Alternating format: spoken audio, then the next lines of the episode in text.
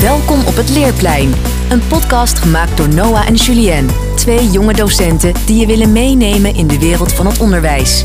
Ze bespreken trends, vooroordelen en vertellen leuke anekdotes vanaf de werkvloer. Welkom bij aflevering 7 van podcast Het Leerplein.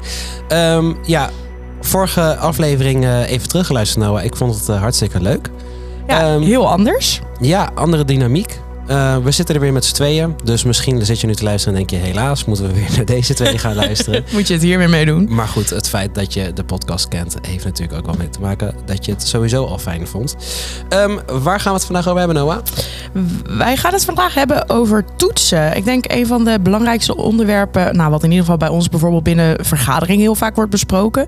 Dus we gaan eens even bespreken over wat vinden wij er eigenlijk van. Hoe doen we het? Hoe doen we het niet? Dat? Ja, en um, nou ja, goed, toetsen. Uh, je zegt al een belangrijk onderdeel. Hebben we het belangrijk gemaakt? Uh, is het wel zo belangrijk? We is het niet te belangrijk? Precies. Uh, dat is wat allemaal aan bod gaat komen. En ja, ik heb er een onderwijsmoment bij meegenomen.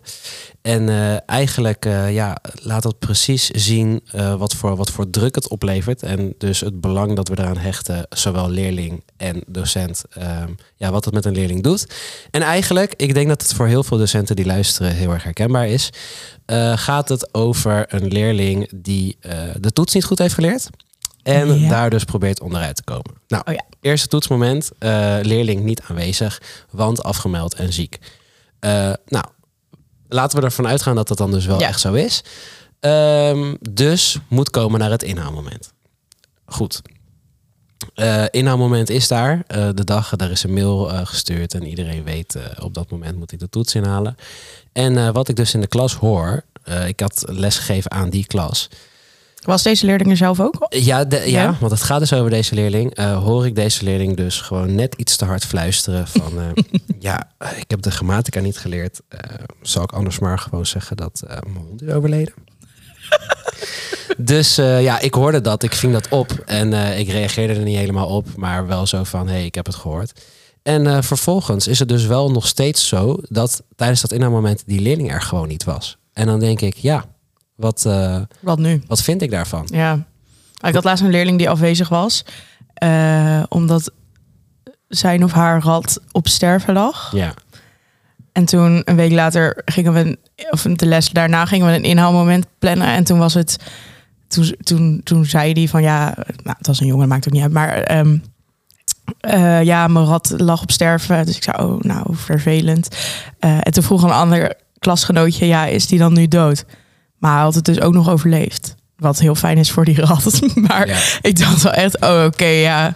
Nou ja, ik denk dat als ouder moet je je misschien zelf ook even afvragen wanneer meld ik mijn kind wel en wanneer meld ik mijn kind niet ziek ja. of zo? Ja, ik en weet niet. Ik denk dat het ook uh, soms ouders gewoon bewust hun kind uh, ziek melden. Uh, omdat ze ook weten hè, dat, dat de leerling dan denkt: ja, ik wil die toets niet maken, ik ben niet goed voorbereid. Straks haal ik er onvoldoende ja. en dan.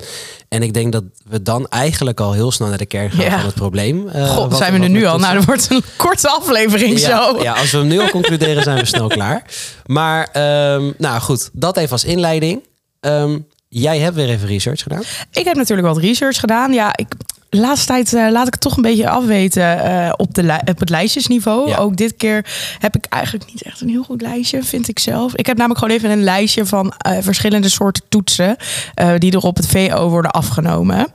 Um, ja, zo, ja, het is niet echt dat ik per puntje een heel verhaal heb. Nee, maar nee, nee. Maar ik noem wat, ze gewoon even ja, op. Wat voor toetsen Oké, okay, we hebben natuurlijk de schriftelijke toetsen. Hè, dus uh, heel saai, ga uh, achter je laptop of uh, papier zitten en maak gewoon deze toets. Um, we hebben mondelingen. Mm -hmm. bij ons op school, volgens mij, is dat eigenlijk alleen bij de talen. Volgens mij verder niet echt. Um, ja. Zeg maar nee. echt een één op één gesprek of zo weinig. Ja. Ik denk, uh, ja, inderdaad, maar goed, dat is ook een taal. Nederlands heb je natuurlijk ja. ook over boeken en dat soort ja. dingen. Ja, dat zijn wel grote dingen, maar volgens mij in de onderbouw volgens mij eigenlijk bijna helemaal niet, behalve dan bij Ja, oké. Ja, wij hebben een soort overkoepelend vak waar veel dingen wel mondeling worden afgesloten. Ja. Maar dat is dan, ja, dan kom ik al bij een puntje later, want ik heb ook presentaties. Dat zijn dat eigenlijk meer. Praktische opdrachten. Eh, nou, dat kan bij ons vak, eh, bij mijn vak bedoel ik, natuurkunde, scheikunde, waar je echt iets moet onderzoeken. Maar het kan natuurlijk ook, ik weet van mijn klas dat ze moesten onderzoeken hoe je het voor delen op vakantie kan gaan of eh, dat soort dingen. Ehm, vind ik persoonlijk echt een hele goede manier van toetsen, waarbij je theorie ehm, toepast in de praktijk. Dus dat je echt zelf op onderzoeken gaat met de eigen begrippen die je bijvoorbeeld hebt geleerd binnen een vak. Eh, nou, bij jullie vak, of da- dan moderne vreemdtalen, leestoetsen, luistertoetsen eh, en natuurlijk ook de werkstukken. Ja.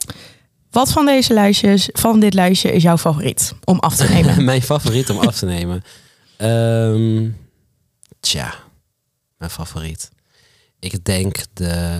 ehm, Of wat vind je het leukste om het resultaat te zien? Wat vind je het efficiëntste manier van toetsen of Ik voor denk- jouw vak? ik denk niet per se om af te nemen, maar wel om resultaat te zien. Inderdaad, wat je zegt, is de leestoetsen. Omdat Ja, het is alleen maar AB, dat, AB, eh, hè? Het is lekker nou ja, nakijken. Nee, ja.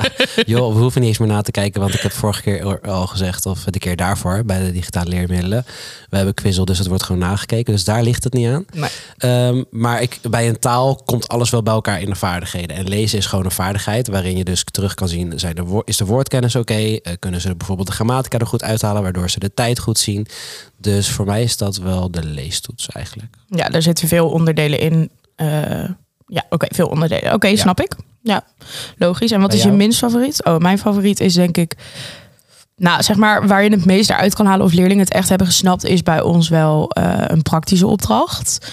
Want daar moeten ze bijvoorbeeld zelf, een, eh, krij- ze krijgen theorie, ze krijgen uitleg en dan moeten ze dat in een bepaalde eh, situatie eh, gaan onderzoeken. We hebben het nu bijvoorbeeld over krachten. Dus dan mogen ze als extra opdracht om extra punten te verdienen, mogen ze buiten gaan fietsen en dan hun eh, bandenspanning. Dus op hele zachte banden, op hele harde banden. En dan gaan kijken, nou, wat gebeurt er dan eigenlijk met de kracht die je moet zetten. En dan moeten ze en met de formules werken, eh, maar wel op een praktische manier, zodat ze het ook echt zien wat er gebeurt. Dat vind ik echt eh, qua natuurkunde heel erg leuk. Maar qua nakijken is dat gewoon echt helemaal ruk. Want dan moet je gewoon echt hele verslagen eh, nakijken. waar je heel, echt heel beetje precies moet zijn in wat ze nou precies zeggen. En dat vind ik soms jammer. Want dan hebben ze bijvoorbeeld echt wel heel erg goed hun best gedaan. Maar dan komt het er op papier niet uit. Dus dan is dat toch wat lastiger. Maar voornamelijk, wij gebruiken wel gewoon het meeste van de schriftelijke toetsen. Oké. Je wil een vraag stellen? Minst favoriete? Ja, mijn minst favoriete. Ehm, ik ga mezelf hier niet populair mee maken, denk ik. Oké, maar nice. dat is. Bij wie ga je je niet eh, populair mee maken? Bij mijn collega's, eh, MVT-collega's, denk ik. En dat is toch de schriftelijke overhoring. Oei. Ehm, woordjes stampen. En waarom? Eh, omdat ik vooral vind, en dat is misschien is dat op onze school vooral zo, maar ik denk dat het wel wat breder is, dat het heel veel reproductie is. Ja. Dus eh, eens, je kan best wel testen of er goed is geleerd. Maar je kunt niet per se daarmee testen eh, of het beklijft. Of dus op de lange termijn de leerling deze kennis heeft en houdt. ja. Ehm, Dat test je dus eigenlijk veel meer in een leestoets... waar al die kennis dan weer bij elkaar zou moeten precies. komen. Ja. En ehm, nou, ik zie dus best wel vaak dat mensen op een leestoets dus best wel een oké cijfer halen. Omdat ze dus vanuit de context best wel dingen begrijpen. En dan denk ik, oké, dan heb je dus dat taalgevoel. En Ja. heb je alles wat je hebt geleerd, kan je redelijk toepassen. Ja, reproductie is gewoon en een momentopname. Dat is een toets eigenlijk altijd wel. Ehm, nou ja, misschien ja, dat is ook zo. Ja, maar het is, ja. Kijk, ik kan blijven zeggen tegen mijn leerlingen: ja, je moet herhalen. En ik wil dat je de woordjes nu, omdat we beginnen met het hoofdstuk, nu al begint met leren. Maar ja, eh, wat is mijn tegenargument als die leerling een week van tevoren begint een 8 haalt en zegt: Ja. ja, ik heb nu een 8 gehaald? Dus waarom zou ik al eerder beginnen? Precies. En eh, ja, ik moet die leerling daar gelijk in geven, want dat is gewoon een manier van werken wat die we nu doen. Het is een momentopname, het is reproductie. Ja, kan je heel goed leren, zeker op korte termijn, en vul je gewoon in wat er gevraagd wordt. Ja, dan heb je het goed gedaan. Maar betekent dat je dat, je dat, goed, dat je goed bent in de taal? Nee, dat niet. Nee. Dus ehm, dat is toch echt wel mijn minst favoriete. ja dat snap ik wel. Maar dan hoor ik je eigenlijk ook zeggen... dat je dus het niet eens bent met het doel van de toets. Of nou, niet eens bent is misschien een groot woord. Maar eh, in ieder geval dat je het doel van toetsen toch anders voor je ziet... dan dat je bij een reproductietoets ziet. Ja, ja en ik, ik hoor mensen al denken van oké, maar je hoeft niet te kiezen voor een reproductie. Je kan ook toepassing eh, veel meer Mhm. doen. Of een vrije opdracht in een toets doen. En dat soort dingetjes. Eh, nou, toepassen ben ik het heel erg mee eens. Maar dan vind ik het moment waarop de druk opeens heel erg hoog is. En je moet opeens iets produceren. Ja, haal je dan, eh, zie je dan nog steeds het goede resultaat? Dat weet ik niet. Ja, we hebben bijvoorbeeld, om een co- concreet voorbeeld te geven, zinnen eruit gehaald uit de toetsen. Omdat we vinden, ja, een zin, oké, dan ga je zin dus letterlijk leren als hele zin en dan reproduceer je dat. Ja, wat kan je er dan mee? Nee. Niks. Eh, dan kan je zeggen, oké, dan moet je een zin bouwen, maar zonder context. Ja, wat heb je er dan aan? Ook super lastig, ja. Ook eigenlijk nog steeds niks. En je maakt de toets nog moeilijker, waardoor mensen sneller in de stress raken en tegen die toets gaan opzien. En misschien met excuses komen als ik ga zeggen dat mijn hond is overleden. Dus ja, ehm, ik vind hem heel erg moeilijk. Ik ben het er niet mee helemaal mee- eens hoe we het doen. Ehm, maar ik merk wel dat stel je zou wat vrijere dingen vragen, zoals vaardigheid toetsen, eh, of je zegt bijvoorbeeld, ja, maak een vlog of zo. Hoe ga je hem beoordelen? Is dat nog wel Ja, dat is lastig. Ja, Ehm, ik denk dat we ja. nu ook een hele mooie kern, een andere kern vastpakken. Namelijk, het is eigenlijk gewoon best wel moeilijk om toetsen te maken. Ja. Je- Het is heel belangrijk om jezelf allereerst af te vragen: nou, wat gaan we nu, nu hier eigenlijk toetsen? Ehm, waarom willen we dat toetsen? En wat vinden we belangrijk dat de leerlingen aan het eind van de toets hebben begrepen? Wat is het minimale wat ze halen om door te gaan? Zeg maar, wat, waar ligt de grens tussen onvoldoende en voldoende? Ik merk bij mijn vak dat het. Kijk, ik heb natuurlijk een heel ander vak. Dus bij ons is het sowieso eigenlijk minimaal reproductie. Eh, op het VWO in ieder geval. En ehm, ja, dan hebben we soms ook vragen dat we, toetsen die we maken, waarin vragen gewoon eigenlijk bijna een letterlijke invuloefening is van een formule. Ja, wat oefen je daar nou mee? Dat is eigenlijk één vaardigheid. Terwijl als je naar eindexamentermen of zo gaat kijken, dan moet je heel veel vaardigheden kunnen. En dat moet je gewoon kunnen toepassen in verschillende contexten.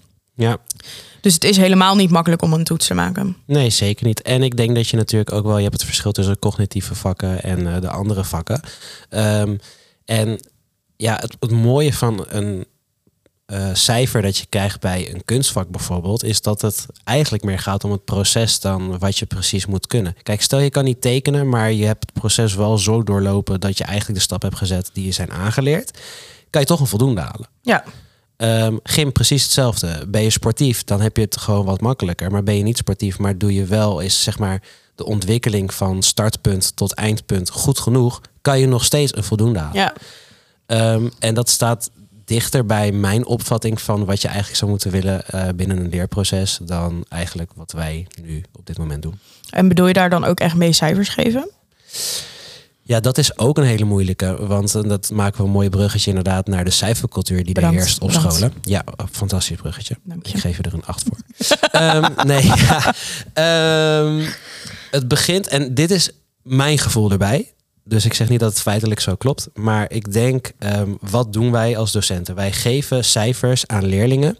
Die tellen mee. En op basis van de cijfers gaan we ze de- bevorderen of niet bevorderen. Ja. Gewoon harde eisen. Heb je een onderlaag van ja, zoveel onvoldoendes, heb je gemiddeld zoveel, dan zit je in een bespreekzone. Zit je daar nog onder, ga je misschien helemaal niet eens over. Eh, Nou, al vind ik wel, die, die be- bespreekzone is wel uitgerekt. Sinds corona is dat echt... eh, nou, daar gaan we het misschien zo nog wel even over hebben. Maar is de- die harde eisen, zeg maar, van je moet dit en dit halen... dat is wel echt meer geblurred, vind ik, de afgelopen jaren. Ja, maar ik vind ook dat er steeds minder context aan wordt gegeven, waardoor eh, er alleen op basis van cijfers keuze worden gemaakt. En natuurlijk bespreken wij het altijd. En dan kan je, Ja. kan je kijken van oké, hoe gaan die vergaderingen dan? En zit er misschien binnen het proces van die vergaderingen iets fout? Dat kan natuurlijk ook. Alleen, ja, als je het samenvat, kijken we dus puur naar cijfers. Ehm, voegen we daar iets van nu- nuance toe van, nou, wat denken wij dat we voor ons eigen vak, eh, of dat goed genoeg is of niet? Eh, maar we zeggen aan de andere kant ook dat we daarvan af willen. Want we willen steeds meer formatief evalueren. Dus zonder er een cijfer aan te hangen. En we zeggen altijd, ja, die leerlingen die werken alleen maar voor cijfers. Maar wie schuld is dat? Ja, dat is, dat is de cultuur die er op school heerst. Ja, Bij ons zie je op magister kunnen ze letterlijk zien hoeveel tekortpunten ze staan. Voor zowel de kernvakken als niet-kernvakken. Dat is helemaal uitgebalanceerd. Toevallig, eh, ja, we zijn natuurlijk nu net begonnen. Of nou ja, we zijn, hebben net herfstvakantie gehad. Maar eh, de eerste cijfers staan erop. En toen waren de kolommen van tekortpunten nog niet beschikbaar. Nou, de stress die dat had en bij ons in de klas was echt zo... hoezo kunnen we dat niet zien? Waarom kan ik niet weten hoeveel tekortpunten? Ten eerste kunnen ze dat gewoon uitrekenen. Ehm, maar ze zijn daar zo op gefixeerd. En heel eerlijk, wij als docenten ook. Want uh, als we bijvoorbeeld inderdaad richting een rapportvergadering gaat, of gaan of je uh, gaat je klas bespreken met je medementor of met je docent, met andere docenten, dan kijk je toch altijd wel naar degene die er heel slecht voor staan. En tuurlijk zeggen cijfers ook wat over het welbevinden van een leerling. Van hè, zit hij dan op, op zijn plek, zijn of haar plek. Maar um, ja, dat is toch wel een van de eerste signalen die je zeker op het VO, waar we gewoon echt veel cijfers geven, waar we veel bezig zijn met toetsen. Um, ja, het is toch wel een van de eerste dingen waar je naar kijkt. Ja, ja maar ja, en daar komt dus de toetsdruk bij kijken. We zijn steeds minder gaan uh, toetsen, omdat de toetsdruk werd ervaren als veel te hoog. Ja, dus in de zin van heel veel toetsen. Ja. Dus we zijn de hele tijd alleen maar van toets naar toets. Precies. Dus stressmoment op stressmoment op stressmoment op stressmoment. Ja. Maar dat stressmoment komt dus wel omdat het dus is van oké, okay, nu moet ik pieken, nu moet ik presteren. En als ik het op dit moment niet goed doe, dan heb ik gewoon geen goed cijfer. Dan faal je. Ja. In plaats van als je dus wel naar een proces kijkt en je tijdens dat proces hebt laten zien van hé, hey, ik kan het en ik heb daar aangetoond, zus en zo. En dan heb je een eindmoment waarop je dan alles samenkomt. Ja. Dan weet ik eigenlijk zeker dat er minder stress is. Ja. Want je hebt daarvoor al gezien, ik kan het, ik heb doelen behaald. En uh, ik denk dat die ontwikkeling er ook wel is in het onderwijs. Dat het steeds meer moet gaan om leerdoelen en zo. Ik denk alleen dat we daar nog echt heel erg op achter. Nou, en we zijn ook heel erg nog wel zoekende. Ja. En dat merk ik dan bij ons op school ook heel erg. Dat we heel erg aan de ene kant willen we heel graag van ze moeten het zelf bepalen. Uh, maar aan de andere kant laten we de cijfers niet los. Waar ik overigens ook niet achter zou staan als we dat zouden doen hoor. Maar nou ja, dat is dus eigenlijk relatief erg tegenstrijdig, vind ik. Want aan de ene kant willen we dus dat die cijfers niet uitmaken, maar aan de andere kant blijven we het wel doen. Daarnaast zeg je net, nou, we hebben heel veel getoetst, dus we willen die toetsdruk minderen. Dus er is nog maar een beperkt aantal toetsen wat je per vak mag uh, halen of mag eh, afnemen. Maar ondertussen, als je dus maar een laag aantal toetsen hebt, ja, als je dan één toets heel erg verknalt, dan telt het ook veel zwaarder mee dan dat als je twintig toetsen zou hebben. Ja. Waardoor de, de aantal stressmomenten misschien wel minder zijn, maar de hoeveelheid stress die één zo'n moment op kan leveren, of het resultaat eigenlijk van dat moment, die, zijn, die is misschien alleen maar veel hoger. Omdat het gewoon, ja, er zijn vakken, als je maar één uur in de week lesgeeft, mag je maar drie cijfers geven bij ons op school. En ongeacht of ik dat goed of slecht vind. Maar ja, dan krijg je ook een bepaalde druk. Dat, ja, dat geeft ook een bepaalde druk. Ik vraag me af hoe wie, als je dit dus echt analyseert, wie gaat zeggen: Ik vind het een goed idee? Want dat betekent dat de toetsen groter worden. Want het is ook niet zo dat jouw programma en het, de eindeisen van wat jouw vak moet doen, wat ons is opgelegd. Het is ons gewoon opgelegd. Aan het einde moet dit zijn behaald die veranderen niet. Nee. Of je nou een uur meer of minder geeft, die veranderen niet. Dus je moet het dan gaan proppen. De toets wordt moeilijker en moeilijker en voller. Dus ja, ik snap wel dat je daar stress voor hebt. Nou, en het, ja, maar het is gewoon, ik ook, ik ook. Ik zie dat ook echt bij mijn leerlingen die er echt van sommige dingen heel erg stress kunnen hebben. En um, dat is ook, ja, er is ook een bepaalde piekbelasting in het jaar dan. Hè. We, we hebben allemaal nou, alle methoden zijn bijvoorbeeld allemaal vier uh, paragrafen per hoofdstuk. Nou, na elk hoofdstuk ga je een keertje toetsen. Je doet ongeveer een week over een hoofdstuk. Nou, dan heb je, zijn er vijf vakken die allemaal op hetzelfde moment klaar zijn. En dan dus allemaal in één week een toets willen plannen, bijvoorbeeld. Ja, leerlingen hebben daar echt last van. Maar goed, aan de andere kant denk ik ook weer, ja, ik ga ook niet mijn toetsen drie weken verplaatsen, bijvoorbeeld. Want dan hebben ze een heel ander probleem, wat ook heel vervelend is. Nee. Dus het is echt eigenlijk aan elke kwestie omtrent toetsen zitten zowel positieve als negatieve punten, denk ik. Uh, wat heel lastig is om daar de balans in te vinden. Ja. Ja, en je merkt het ook aan uh, Conti, containerbegrip mindset van de leerlingen. Um, want je ziet, als je, ik, jij bent ook mentor en dan wil je af en toe doelen gaan stellen met je leerlingen. Ja. Um, je, hoe vaak krijg je wel niet, ja, ik wil voldoende, een voldoende gaan halen of ik wil een zes halen of um, ja, maar is dat dan het doel? De hele tijd. Ze kunnen, ze, eh, nou ja, dat, ja, nogmaals, dat is gewoon waar zij naar kijken. Ze kijken alleen maar naar het cijfer. Dus um, dan is hun doel ook niet. Ja, ze kunnen dat niet in stukjes knippen. En als docent ben je er dan natuurlijk voor om dat wel met ze te doen. En dat is ook waar we veel tijd aan, eh, aan besteden. En ook om te zeggen, ja, je kan niet ineens van een 3 en 6 maken. Dat is ook heel moeilijk. Maar dan kunnen we niet kijken. We kunnen wel zeggen, ja, we gaan een 6 halen. Oké, prima, succes. Ja, dan moet je echt met ze gaan kijken van nou, hoe gaan we dat stapje voor stapje doen? Hoe ga je eerst van een 3 naar een 4? ook, en dan ook die kleine zegeningen, zeg dat? De kleine overwinningen. Overwinningen, ja. Ja. Um, ja, dus in het, in het verlengde daarvan is het dus ook, want uh, daar wilde ik net op verder gaan. Wij vinden die cijfers heel erg belangrijk. Er worden ons eisen opgelegd, we bespreken de cijfers. Maar stel nou dat je het wel zou willen loslaten. Um, ik zou oprecht niet weten hoe. Nee, maar het kan ook bijna niet, want je hebt ook te maken met een onderwijsinspectie. Ja. En wat doet die? Die checkt of de cijfers Ja. eh, goed genoeg zijn. Eindexamen is ook allemaal op cijfers. Allemaal cijfers. Maar, altijd dan ga je dat eh, vier jaar niet doen, tot en met de vierde klas. Bijvoorbeeld op het VWO. En dan in Ja. de vijfde en zesde krijg je ineens cijfers. Ja, dat zou ook heel gek zijn. Ja. En ik heb ook niet precies het antwoord van... oké, maar hoe wil je dan vastleggen en wil je controle... en wil je waarborgen dat de kwaliteit wordt geleverd die je moet hebben in het Ja. onderwijs? Ehm, die vind ik ook heel erg moeilijk. Alleen, ja, we willen aan de ene kant krijgen we heel erg van... ja, laat het nou los en ga met doelen werken... en zorg nou dat je vanuit doelen zegt van... oh ja, je bent er nog niet helemaal. Nou, ga het nog een keer proberen... en kom weer terug als je denkt dat je het wel hebt behaald. Of toon het aan.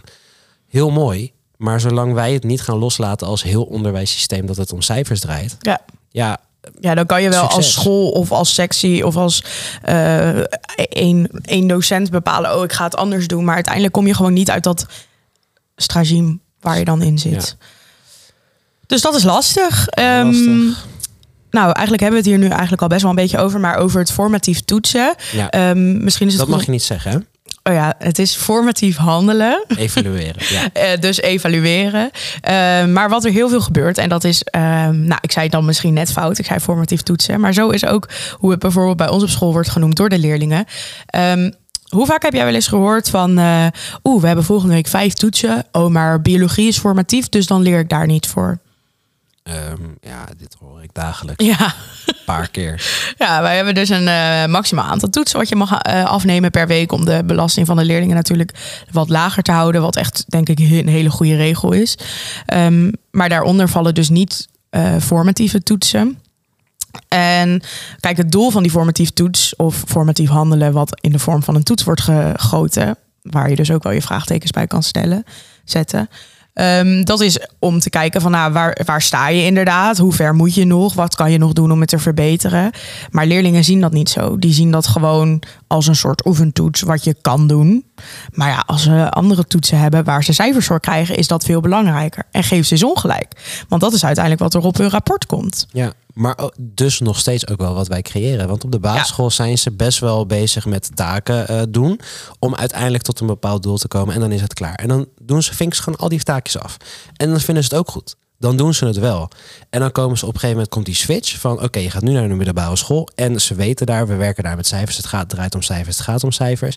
Want eh, als je de eh, brugklascijfers vergelijkt met hoe ze dat later doen. Want later denken ze, oh ja, kan misschien wat minder leren. Maar zeker die eerste toetsweek proberen ze echt allemaal de tien te halen. Want ja, je wilt laten zien van ik doe het goed en ik kan En het ik kan het. Ja. Ehm, dus doordat wij die cultuur soort van bewaken, bewust of onbewust, gaan zij er totaal in mee. Ja. Dus het kan best anders. En ze willen er ook wel voor werken. Alleen wij zorgen er nog steeds voor als docenten, in Nederland in ieder geval, dat formatief handelen nog niet zo van de grond komt. Nee, maar ik denk ook omdat we het niet goed doen als heel veel eh, docenten. Omdat we dus ook zeggen, nou we gaan dus een toets. We, we ze maken eigenlijk letterlijk een toets die we voor een cijfer zouden geven. Die maken we exact hetzelfde, bij wijze van spreken. Vervolgens geven we daar alsnog een cijfer aan, maar hij telt niet mee. En dan maar dan kan je dus wel aan het cijfer zien, ben ik er al. Dat is wat er nu heel vaak gebeurt. Ehm, en ik be- begrijp me niet verkeerd, ik snap het heel goed. Als ik nu alles formatief zou moeten maken van al het onderwijs wat ik doe, ben ik echt heel veel tijd daaraan kwijt. En Ja. ja, heb je daar tijd voor? Ik denk het niet. Eh, dus dat snap ik ook heel goed. Hè? Dat je denkt, nou oké, we willen wat formatiever werken. Laten we dat dan eens zo proberen. Want toetsen heb je genoeg, bij wijze van spreken. Ehm, ja, dus dat gaat gewoon nog niet helemaal goed. En dan schiet het zijn doel heel erg voorbij. En dan denk ik, ja, dan doen we het alleen maar omdat het een trend is, formatief handelen. Ja, dus zijn we nog steeds aan het, eh, nou ja, toetsen mag je dan dus niet zeggen, maar aan het eigenlijk wel toetsen. Ja, want het is dus toetsen. Ja. Ja. Oké, Eh, ik las ergens anders is eigenlijk een beetje over hetzelfde. Ehm, dat als je dus minder druk op de toetsen wil hebben, dat je dan juist dus eigenlijk meer moet toetsen, meer toetsmomenten, Ehm, maar wel dus minder cijfers. Ik vond dat eigenlijk wel een mooie conclusie, dus ik denk dat we Meer toetsen, dus minder cijfers. Dus ja, wat- dus meer momenten, kleine stukjes en eh, dus inderdaad opbouwen wat jij ja, dus dat je een soort van verzamelcijfers krijgt. Ja. Ja, ja dat zijn eh, dingen waar- die al bestonden waar, waar we van af zijn gestapt. Hè. Ja, en waar we nu eigenlijk wel weer naartoe willen, maar misschien wel een beetje te diep in het dal zitten van, of in het gehucht van cijfers. Dus dat we daar eigenlijk niet meer van afkomen. Ja. Jammer. Eh, merk ook heel erg aan leerlingen. Wat, ja, wat, nee, andere vraag. Wat vind je van toetsweken? Ja, ik ben wel fan van de toetsweek. Ja. Uh, omdat ik vind. Misschien even dus- uitleggen hoe dat bij ons op school zit. Uh, ja, nou, we hebben dus geen toetsweken in de onderbouw in ieder geval. Alleen aan het eind van het jaar. Uh, Eentje. alleen aan het eind van het jaar eentje. En dat vind ik dus al een heel raar signaal. Want oké, waarom doe je dan die laatste periode opeens wel een toetsweek? Mhm. Um, maar goed, dat is allemaal overwogen. En uh, er wordt af en toe ook wel eens geëvalueerd van... ja, moeten we dan niet toch wel doen? Ja, dat heeft dan met lesuitval te maken... dat er dan te veel lessen zouden uitvallen ten koste van toetsen. Um, resultaat daarvan is dus wel dat... zeker in een 3 VWO bijvoorbeeld... Zo, ze ja. eigenlijk elke week een toetsweek hebben. Ja, want ze hebben elke week vijf toetsen dan, is het maximale. Ja. Maar naast die vijf toetsen moeten ze ook lessen volgen. Huiswerk, maken voor al die lessen. Soms ook nog eens een keer een opdracht inleveren. Wel of niet voor een cijfer, maar wel iets inleveren. Ja, naar de drie teamsporten die ze doen. Naar vioolles, naar pianoles. Ja, Uh, ja Sociaal zijn. Ja, denk aan veel. die sociale batterij waar we het al over hebben gehad. Uh, ja, ik had toen echt letterlijk toevallig afgelopen weken hier een uh, gesprek mee over leer met leerlingen. Zeiden ja, waarom hebben we eigenlijk geen toetsweek? Toen zei ik ja, jongens. Ik weet het niet. Nou ja, ik weet wel. Want uh, nou, er zijn de afweging voor inderdaad veel lesuitval. En uh, dat snap ik ook. Maar ik snapte hun eigenlijk hun schreeuw om help. Um, snapte ik wel heel goed. Want ze zaten gewoon echt tot hier. En dan moest ik ook nog huiswerk opgeven. Want ja, ik ga ook gewoon door.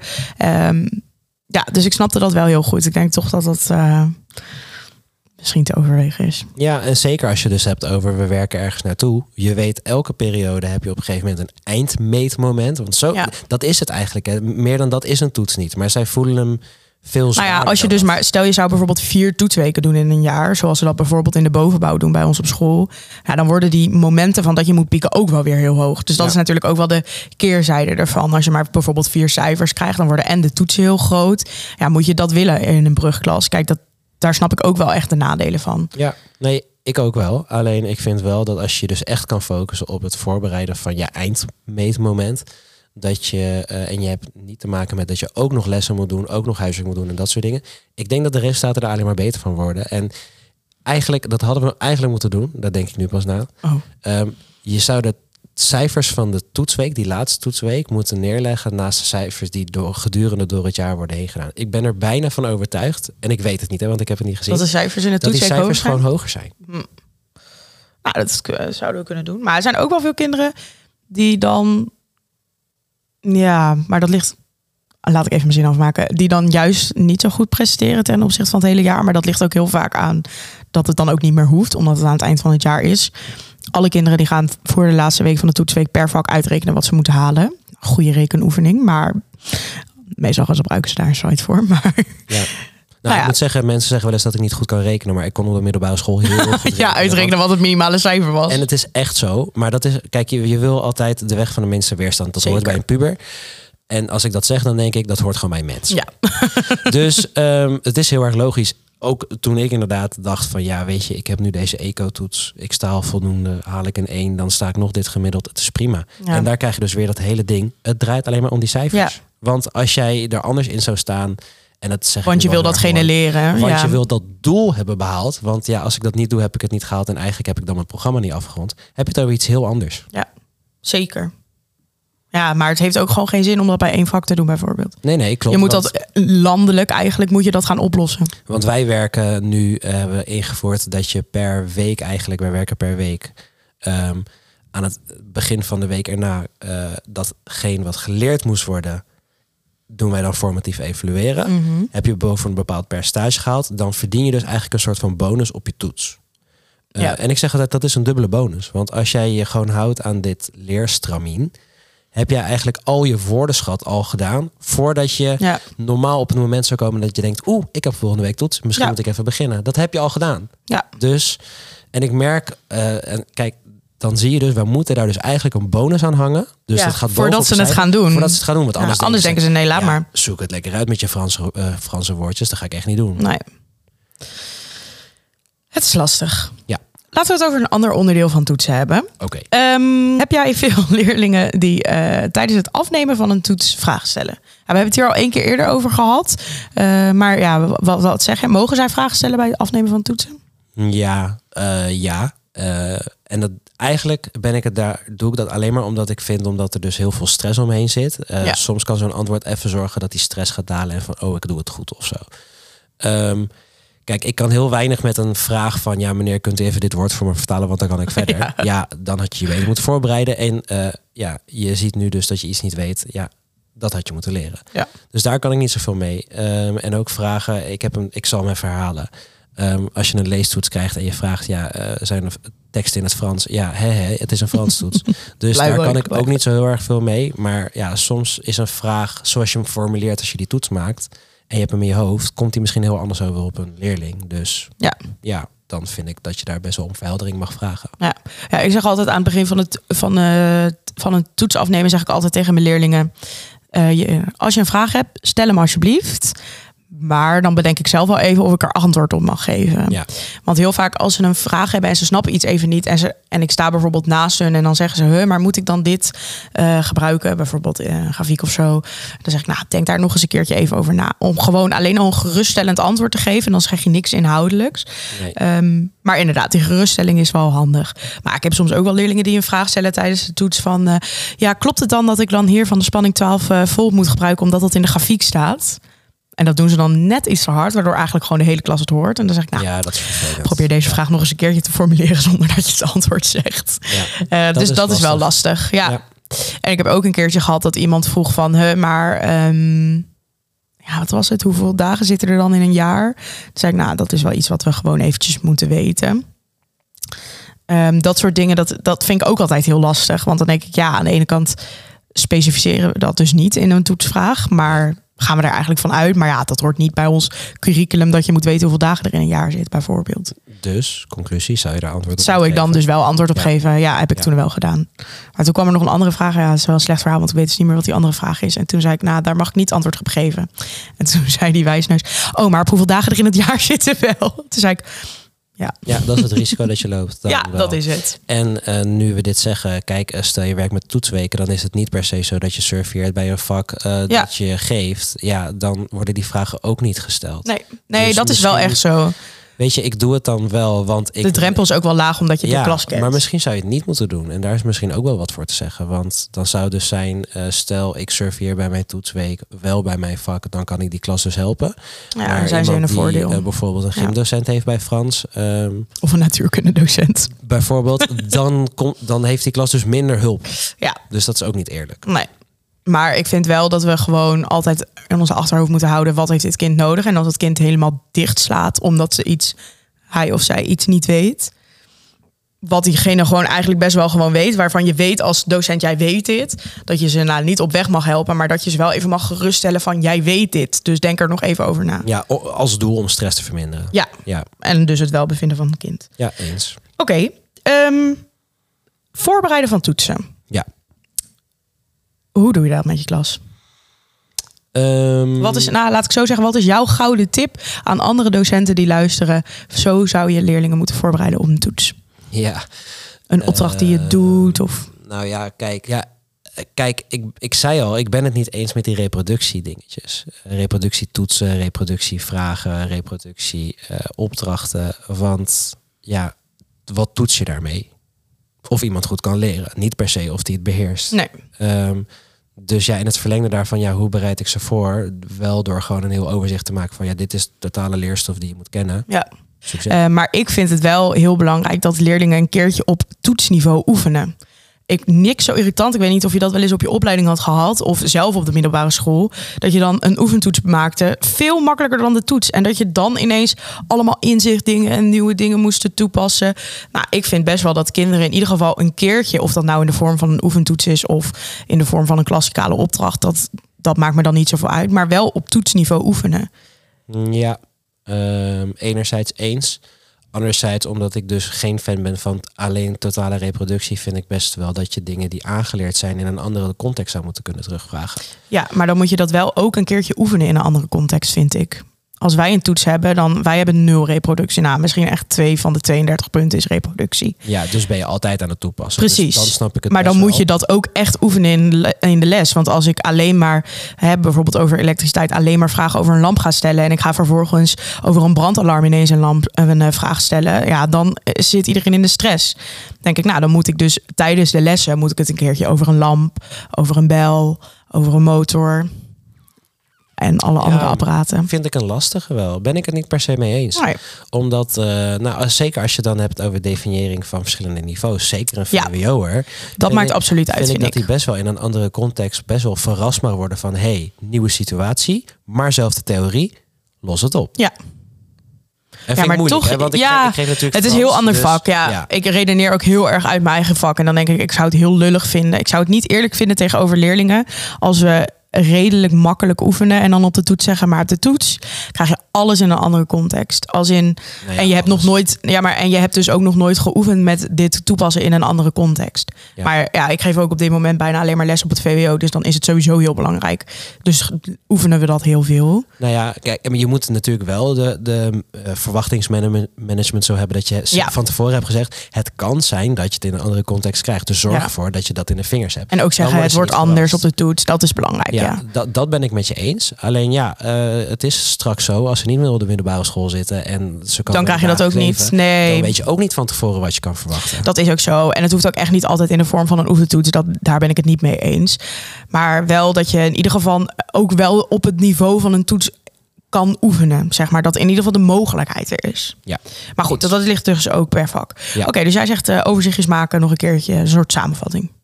Eh, ja, dat is lastig. Maar eh, overzicht is beter woord. Ja, en met leestoetsen, eh, ja, daar kan je natuurlijk heel erg praktisch kijken. Eh, Je pakt gewoon een tekst, want die is altijd anders dan hoe die op de toets komt. Ja. En zeggen van, oké, we hebben hier een vraag, hoe moet je er naar kijken? Gewoon, het lijkt me dus echt de- chill. Want dan kan je ook echt veel op actua- actuele dingen. Ja, Gewoon een Frans artikel. En eh, op een gegeven moment, eh, ja, je kan met de CITO-toetsen die al zijn geweest, dus de examens, kan je best heel ver terug op Ja. een examenblad. Dus kan je zeggen van, hé, hey, we pakken een examentekst op het niveau dat je moet kunnen. En nou ja, dan kan je dus terug gaan werken, dus dat je een wat lager niveau pakt voor een lager jaar. Ja. En zeg van, ja, dit is ongeveer het niveau dat je nu moet hebben. We gaan oefenen, we kijken naar een vraag. eh, hoe kan je het antwoord vinden? Oh, wat mis je? Woordenschat. Oké, dan moet je gaan werken aan de woordenschat. Dat soort dingetjes. Dus op vaardigheidstoetsen kan je wat meer gaan oefenen. Ja. Wat misschien lijkt op wat jij zegt Ja. Ehm, ja, puur reproductie is ook gewoon leerwerk. En Dat is ook zo. het gevraagde weer. Ja, dat hebben wij gewoon niet zoveel. Dus kan ik me niet zo goed in inleven. Nee. Oké, ehm, ik had ook nog twee tips. Allereerst is iets wat ik ehm, eind vorig jaar een keertje hoorde van een collega. is dat ze altijd een eh, per duo bijvoorbeeld, of individueel, dat maakt op zich niet uit. Aan het eind van het hoofdstuk een oefenvraag laat maken van alles wat ze hebben geleerd, zeg maar een toetsvraag. Ja. Dus dat ze met de klas een toets aan het maken waren. Ehm, en je overlegt dan van, en dan zeg ik tegen ze van, nou, bedenk eens iets moeilijks. Wat vind jij moeilijk? Ga daar nog eens een keertje extra mee oefenen. En dan gaan ze gewoon in de opgaves kijken, op internet zoeken, eh, in voorbeelden kijken, in het boek nog een keer kijken. En dan zelf een moeilijke toetsopgave bedenken. Deze ook helemaal uitwerken, zeg maar echt als uitwerkmodel. Met hoe verdien je waar je punten? Want dat, vind, dat is bij ons vak heel belangrijk. Je kan Ja. gewoon best wel punten sprokkelen. Dat zeg ik ook altijd tegen mijn leerlingen. Je kan het eindantwoord helemaal fout hebben. Maar als de manier van hoe je het doet enigszins klopt, verdien je gewoon al wat. Ehm, dus dat doe ik nu eigenlijk met al mijn klassen. Wat echt ook super chill is als docent zijn, want je hebt ineens superveel oefenmateriaal. Ja. Dat is heel lekker, zeker als je parallelklassen hebt. Eh, je moet ze natuurlijk wel even controleren of ze kloppen. Maar dan eh, ja, heb je heel veel oefenmateriaal, wat eh, echt wel op aardig niveau is over het algemeen. Dus dat is tip 1. En tip 2 is om ze bijvoorbeeld gewoon een random oefenopgave te geven. En dan vervolgens van elkaar opdrachten laten nakijken. Dat vind ik echt super leerzaam. Ja. Eh, dat je dan wel dus als docent aanlevert van nou, ik, eh, eh, hier krijg je punten op, zo moet je het nakijken. Maar dat je dan dus wel de leerlingen ook ziet van oh, daar moet ik dus wel op letten, want ehm, eh, aflezen is dus wel heel belangrijk. Bijvoorbeeld of netjes tekenen of rechte lijn trekken met een geodriehoek, hè, dat soort dingen. Dat ze dat dus ook echt zien eh, in hoe klasgenootjes dat fout kunnen doen. Ja. Dus dat zijn wel twee dingen wat ik in ieder geval eh, vaak toepas. Maar ja, dat hoort ook wel echt bij een toepassingsvak, zoals natuurkunde. En dat is in voorbereiding op de toets. Ik denk ook dat je de toets altijd goed moet afhandelen. Dus hij is gemaakt en dat je daarna eh, echt wel moet afsluiten door te zeggen: Oké, we gaan hem nu checken. Wat is er fout gegaan? Hoe had je dat anders kunnen doen? Eh, wanneer Ja. hebben we dat geleerd? Welke theorie had je moeten toepassen of zo? Ja. Eh, ik denk dat dat misschien nog wel waardevoller Een is. nabespreken dan- van een toets, ja, Ja, zeker. zeker. En ehm, ja, 9 van de 10 leerlingen doen dan niet mee. Omdat ze denken, ja, pff, ik had een 6, eh, boeien. Maar ik zeg ook altijd, allereerst zeg ik altijd tegen mijn leerlingen... ik ben ook maar mens, dus ik maak ook echt fouten. Dus ga mij controleren, want dat vind ik heel belangrijk. Alleen al of ik alle punten goed heb opgesteld. Maar ook, ik zeg, je moet goed kijken naar waar je punten kan verdienen. En of je dat niet toch hebt gedaan. En ik dat over mijn hoofd, over het hoofd heb gezien. Ehm, en dan hoop ik dat er iets bij, ehm, hoe zeg je dat? Iets van meepikken. Ja. Maar helaas doen ze dat niet altijd. Wat ik ook snap, zoals ik zelf ook. Nee. Ben ik nog steeds. Goed. Moeilijk onderwerp. Ja, veel. Want het is, het is veel ehm, tegenstrijdigheden. Ja, Lastig. Dus, en het is ook moeilijk. Eh, er zijn ook geen dingen waarvan wij zeggen het is goed of het is fout. Alleen, ik denk dat we heel erg mo- goed moeten blijven nadenken binnen, eh, vond ik een mooi woord van eh, onze gast van de vorige podcast, Onderwijsland. Mooi. Mooi. dat, we, dat we ervoor zorgen dat we er goed over blijven nadenken. En Ja, misschien moeten we onszelf eerst evalueren voordat we de leerlingen gaan evalueren. ja. Lijkt me een goed idee. Zullen we het daarbij laten? Want Ja, het is mooi. echt een lange podcast. Ja, wow. Dat had ik echt niet verwacht aan het begin. Nee, ehm, ik, ik- misschien kunnen we zelfs een Nou keer ja. een deel 2 maken. Ehm, Dat zou leuk zijn. maar ehm, ja, zit je nou te luisteren en denk je, ja, ik heb nog wel vragen over dit onderwerp. Laat het weten. Hè. Eh, de DM staat eh, 24-7 open. We beantwoorden alleen niet alleen 24-7. maar je kan ons dus vinden op Instagram op eh, het Leerplein podcast. Je kunt ook, en eigenlijk zou je dat ook moeten doen, Mediagroep Eva volgen op Instagram. En eh, dan horen jullie ons over twee weken weer. Doei! Doei! Deze podcast is een productie van Mediagroep Eva. Meer luisteren? Ga naar mediagroep-eva.nl. me fast.